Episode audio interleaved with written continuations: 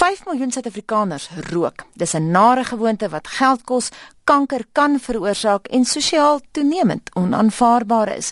Dit is hoekom die Nasionale Raad teen Rook nou wil begin om drastiese stappe te neem om rokers te help om op te hou. Kanada het vroeër die week aangekondig dat 75% van alle sigaretpakkies se voor- en agterkante in die land voortaan sal bestaan uit waarskuwings. Tans is die wetgewing die strengste ter wêreld en 'n voorbeeld wat die direkteur van die Nasionale Raad teen Rook, Pieter Juko, graag sou wou navolg en ons gesels nou met hom hieroor. Goeiemôre Pieter. Dag sê. Pieter, hoekom is jy so beïndruk met die Kanadese se besluit? Wel, in die eerste instansie het Kanada so 6 jaar of 7 jaar gelede met uh, fotos op uh, waarskuwings begin. En navorsing daarna, wetenskaplike navorsing, het duidelik bewys dat die waarskuwings werk. En as ons verdere lewens in Suid-Afrika wil red, moet ons dit ook doen. En die wet uh magtig die minister om dit wel te doen. Wat is die geval met sigaretpakkies hier by ons?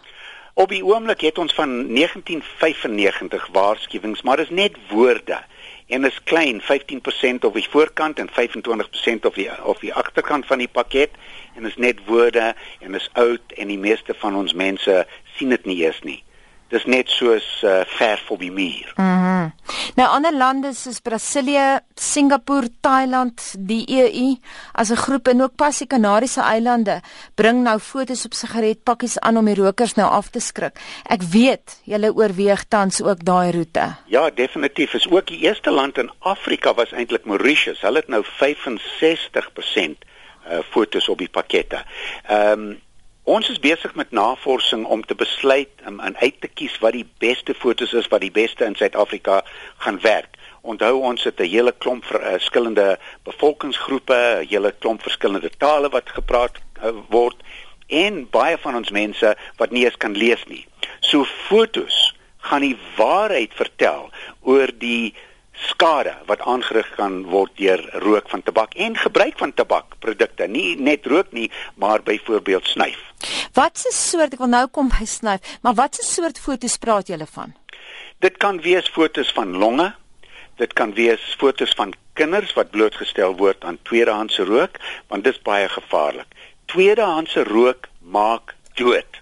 En ons moet kinders beskerm. Dit kan 'n foto wees van 'n uh, vroumens wat uh, swanger is.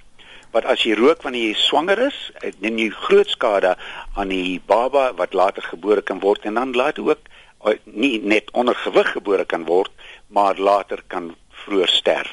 Al daai dinge moet ons uh, teen beskerm. Sou julle byvoorbeeld fotos oorweeg van longe wat deurtrek is met kanker of so? O ja, definitief. As ons weet dat daai longe en die fotos daarvan verstaan gaan word as die skade wat deur uh, rook veroorsaak kan word. Ja, ons sal besluit ons gaan toetsgroepe hê en hulle die fotos wys en vra wat verstaan hulle van die foto? Ja, definitief van longkanker, van 'n brein, miskien van 'n oog. Jy weet, uh, rook kan jou ook blind maak.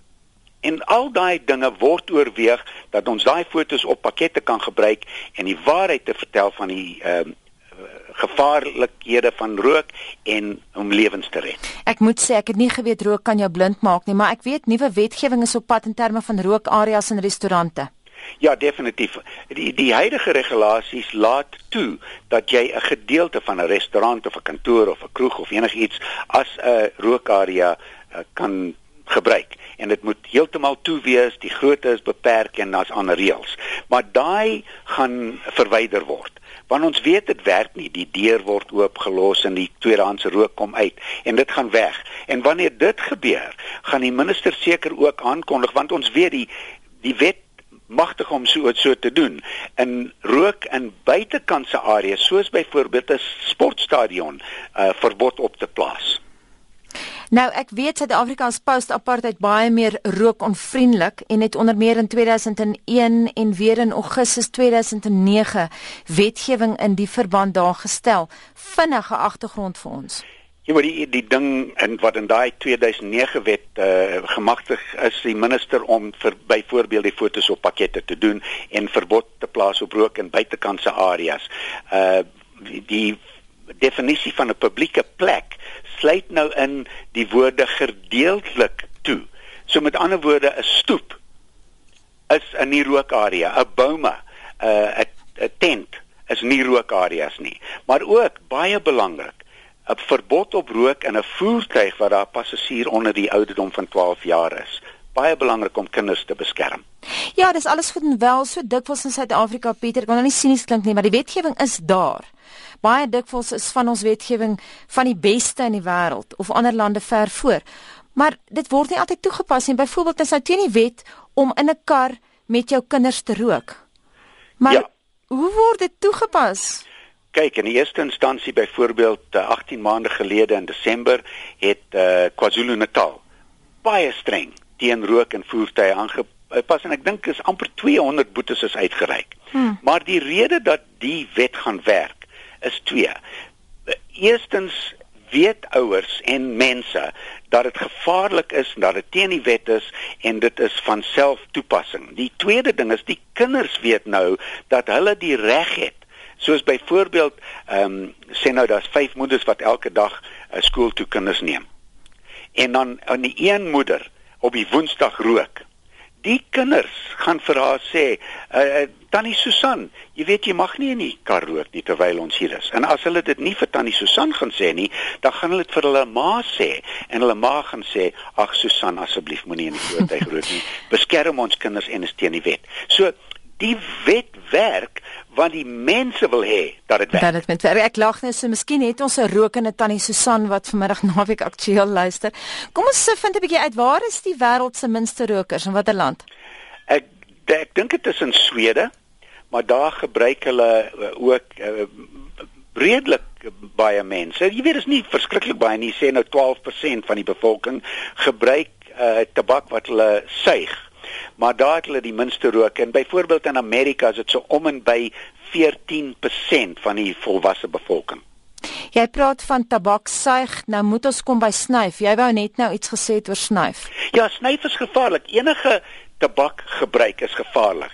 Nou met snuif is daar baie minder kans dat jy byvoorbeeld longkanker gaan kry. Maar jy kan eh, kanker van die neus en die sinus kry. En kan jy sien net kry die prent in jou kop as 'n man of 'n vrou nie 'n neus het nie. Dan is die hele ding weg van kanker dan moet hulle 'n plastieke ding bou om daar op te sit. Dis nie lekker nie. Hmm. enige vorm van tabakgebruik is gevaarlik. Dis dodelik en sê weer rook maak dood tweedehands rook maak ook dood Mhm, mm nou moet ek ook vir die volk vertel, so sê 'n agtroker. Baie dankie vir daardie onderhoud en so sê die direkteur van die Nasionale Raad teen Rook, Pieter Juko.